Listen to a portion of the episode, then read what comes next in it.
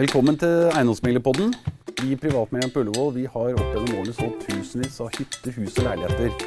Og vi får veldig ofte mange av de samme spørsmålene. Og det er det vi skal ta for oss i disse episodene. I dag så er det en glede å få være sammen med Carl Gjeving, administrerende direktør i Norges Eiendomsmeglerforbund. Velkommen. Takk for det. Ja, Hyggelig at du er her, Carl. Veldig hyggelig å være her. Eh, selvfølgelig stort for oss at du er her også. Eh, du er jo sjefen over alle sjefene til meglerne, i hvert fall. Det må vi få lov til å si. Ja, Det var jo voldsomt, men jeg prøver så godt jeg kan. Ja, nei, men det er bra. Det er bra. Du Først kunne du kanskje fortelle litt om, eh, om Norges Eiendomsmeglerforbund. Hva er det for noe? Du, Det er et uh, forbund for uh, alle som har lov til å drive med eiendomsmegling. Enten de er ansatte, eiere eller ledere i eiendomsmeglingsforetak. Ja. Uh, og, og, vi jobber for at kvaliteten på eiendomsmeglerne skal være best mulig for selgere og kjøpere. Ja, Riktig. Så det er ikke en arbeidsgiverorganisasjon, det er en interesseorganisasjon for ja, meglerne? da. En profesjons- og yrkesorganisasjon, om du vil. Ja, riktig. Mm. Ja. Eh, hva er det man jobber privært med i Eiendomsmeglerforbundet som til daglig? Vi jobber jo mye med, med f.eks. oppdragsmaler, med, med, kontraktsmaler. Vi jobber med etterutdanning av, av eiendomsmeglere. Og vi ja. jobber ikke minst med Eh, påvirkning av, av, eh, myndigheter i forhold til lovarbeid, i forhold til, til budsjettarbeid osv. Så, ja. så mye av disse eh, kjøpekontrakter og disse tingene som både kjøpere og selgere da, vil se rundt omkring hos eiendomsmeglerne, det er i de aller fleste tilfellene laget av dere? Eh, det er riktig. Ja, det er riktig. Ja. Du, eh, det er jo naturlig i dag, eh, det er 15.11, å ta en prat om eh, boliglånsforskriften. Finansministeren var jo akkurat ute i nyhetene her nå for noen timer siden og sa at ikke de ville gjøre endringer i den. Og for dere som hører på, så kanskje man ikke visste at det var en boliglånsforskrift og noen endringer som, som ville komme. Men du kan kanskje fortelle oss litt om boliglånsforskriften og hva det innebærer? Det kan jeg gjøre. Altså, eh, det er jo sånn at eh, I et eh, lavrenteregime så har folk en tendens til å, å, låne mye, og kanskje litt for mye. og Derfor så har regjeringen innført regler for hvor mye bankene kan låne ut. Og Det innebærer bl.a. at når du skal uh, låne penger til å kjøpe bolig, så uh, tester de betjeningsevnen din, evnen til å betale tilbake. Ja. Og du må kunne tåle minst 5 renteøkning. Uh, og så kan du låne maks fem ganger bruttoinntekt, som det heter. Ja, Så det er, det er før skatt? Ja. ja ikke sant? Ja.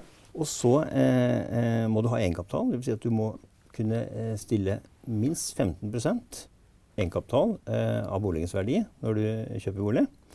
Eh, og så finnes det noen unntak da, fra disse reglene. Ja. Du kan f.eks. Eh, få hjelp av foreldrene dine eh, i form av tilleggssikkerhet, i, altså pant i, i boligen til, boligen til foreldrene. Ja. Det er én måte å få det til på. Eller f.eks. at foreldre sier kausjon eller, eller, garanti. Ja. Og da eh, kan du få eh, låne mer, altså med mindre egenkapital. Ja, for jeg kan jo se for meg at eh, dette blir jo kanskje Boliglånsforskriften har vel kanskje slått litt hardt inn for en del førstegangskjøpere, kan jeg tenke meg.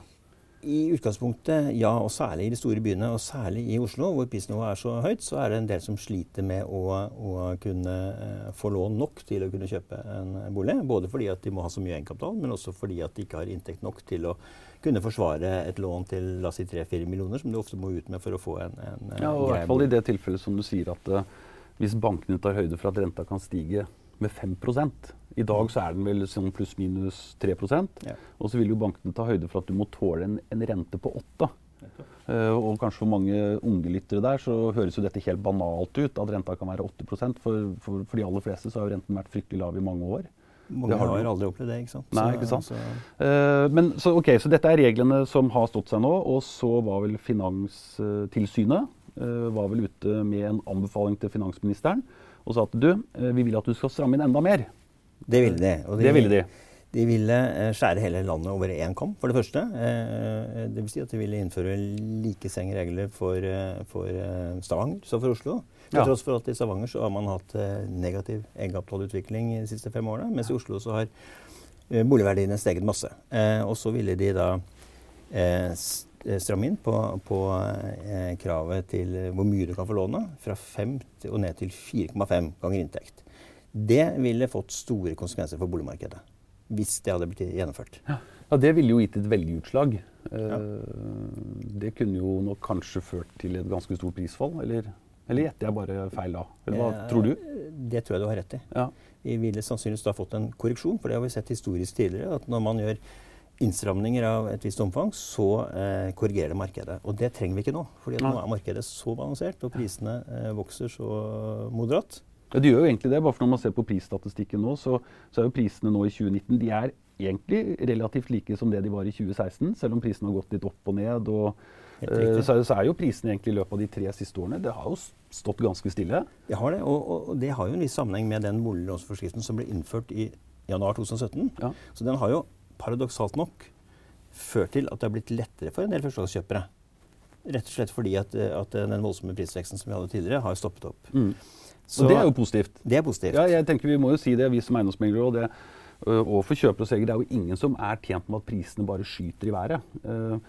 Det er noe, noe, gammelt ordtak som sier at jo fortere det går opp, jo fortere vil det gå ned igjen. Og vi, var jo i, vi hadde jo et problem i 2016 hvor boligprisen i Oslo i hvert fall steg over 20 på et år. Ja, det var faktisk eh, opp i 28% nominelt, som det heter, ja. Eh, på tolv måneder. Og det er jo eh, ren skjær galskap. Ja, det er galskap. For det betyr at hvis du kjøpte en bolig til 4 millioner i løpet av i, i januar, så kunne du sitte hjemme og spille PlayStation i tolv måneder og så selge for fem millioner på slutten av året. Det så det hadde jo ikke fungert for noen. Nei. Nei. Eh, så nå blir det ikke noen endringer?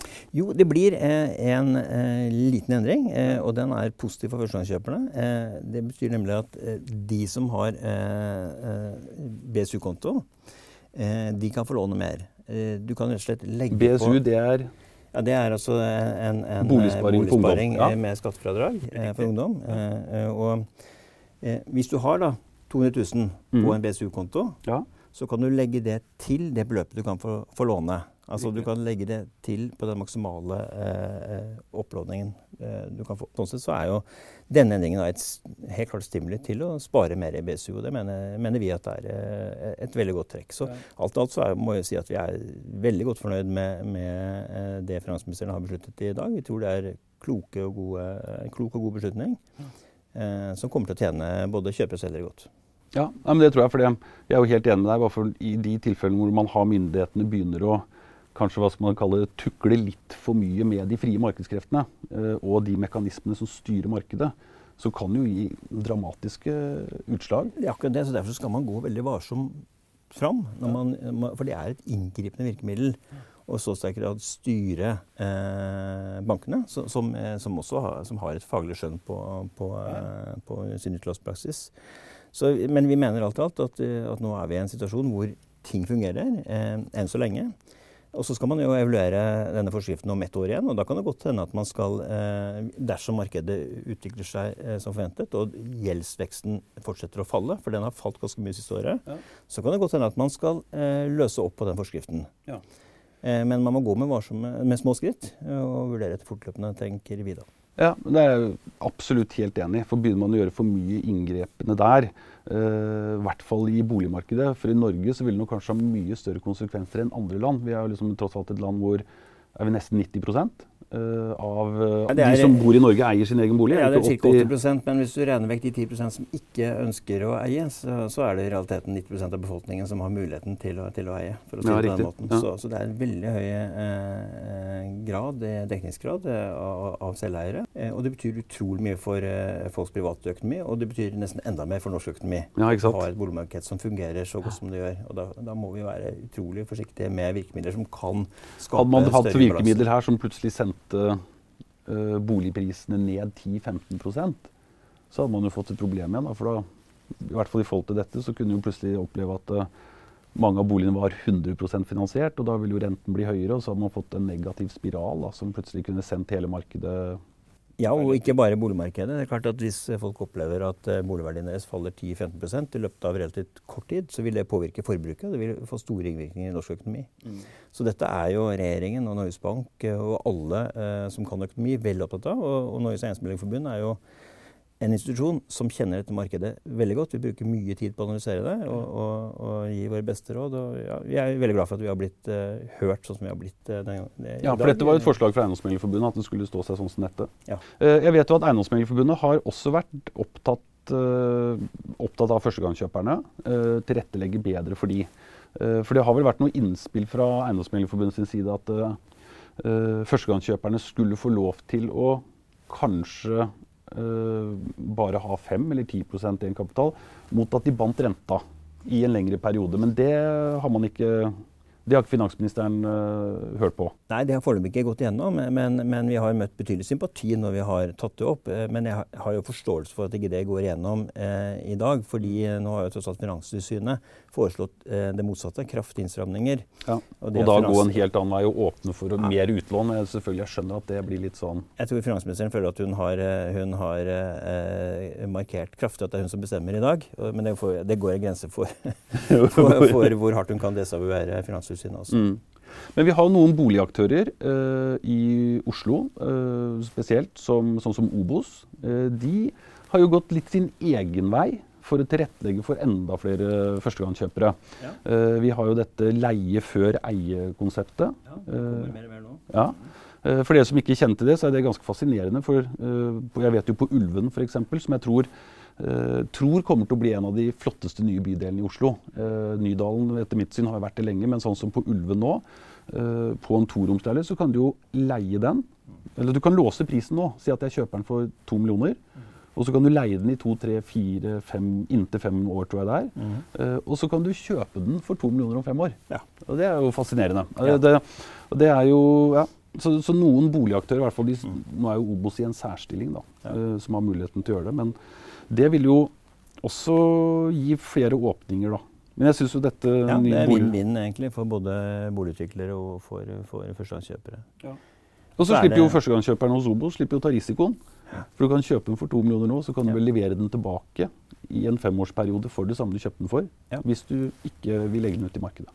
Det er positivt det som du sier med BSU. Eh, så det er som sagt igjen oppfordring må jo være at eh, folk begynner å spare for barna. Det er jo viktig også at de som går inn i boligmarkedet, at de, at de tidlig eh, forstår betydningen av å skulle betjene dette lånet. At de skal kunne, kunne, kunne eh, Ja, man, og ikke minst det at man da hva skal man si, tar ansvar for egen økonomi. Da. Det blir jo et helt annet type ansvarsforhold. Og så Paradokset har vel kanskje vært at nå som renta er så lav, så er det jo betydelig mye billigere å eie sin egen bolig enn å leie den.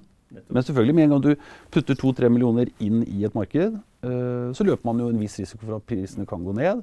Og hvis jeg hører deg rett og forstår det du mener nå, så er det jo det at med de, den boliglånsforskriften som står seg nå, så blir det jo mye mer forutsigbart. da. Så dette er en positiv ting for først de som skal kjøpe, eh, og de som eier bolig. Vi tror det. Og så eh, har man jo da, i og med at man har valgt å videreføre en, en, regional profil hvor det er litt strengere regler i Oslo, så vil også det være med å, å eh, begrense eventuell prisvekst i Oslo. For det har vi sett tidligere at uh, Oslo har en tendens til å uh, vokse veldig mye på oppsiden, og for mye. Ja. På samme måte som det også korrigeres veldig mye ned når, når, når det snur andre veien. Og det vi vet når det gjelder altså, Norge som sådan, så, så, er det bygget veldig mye boliger. Og mer enn nok antageligvis for de to-tre eh, påfølgende årene. Mens i Oslo så er det også bygget relativt mye, mye boliger, men ikke nok til å tilfredsstille behovet som med all sannsynlighet kommer eh, i slutten av 2020, 2021 og framover. Mm. Så i Oslo så er det en risiko for at du får et tilbudsunderskudd igjen. Ja, riktig, og Da vil jo eh, prisene gå opp igjen, kanskje. Og, og, da kan det bli prispress. og Da er det viktig at man har litt strengere regler i Oslo. og Det er videreført i dag. Og Det var også opprinnelig et NEF-forslag. da. Ja. Veldig bra. Nei, men du, Carl, eh, tusen takk. Da, nå tror jeg vi har fått uh, god innsikt i boliglånsforskriften, men ikke minst uh, god innsikt i, i, markedssituasjonen der ute. Så her i studio var det meg, Anders Langtin, og i dag uh, min gjest Carl Gjeving. Tusen takk for at du kom. Takk for at jeg fikk komme. Takk skal du ha.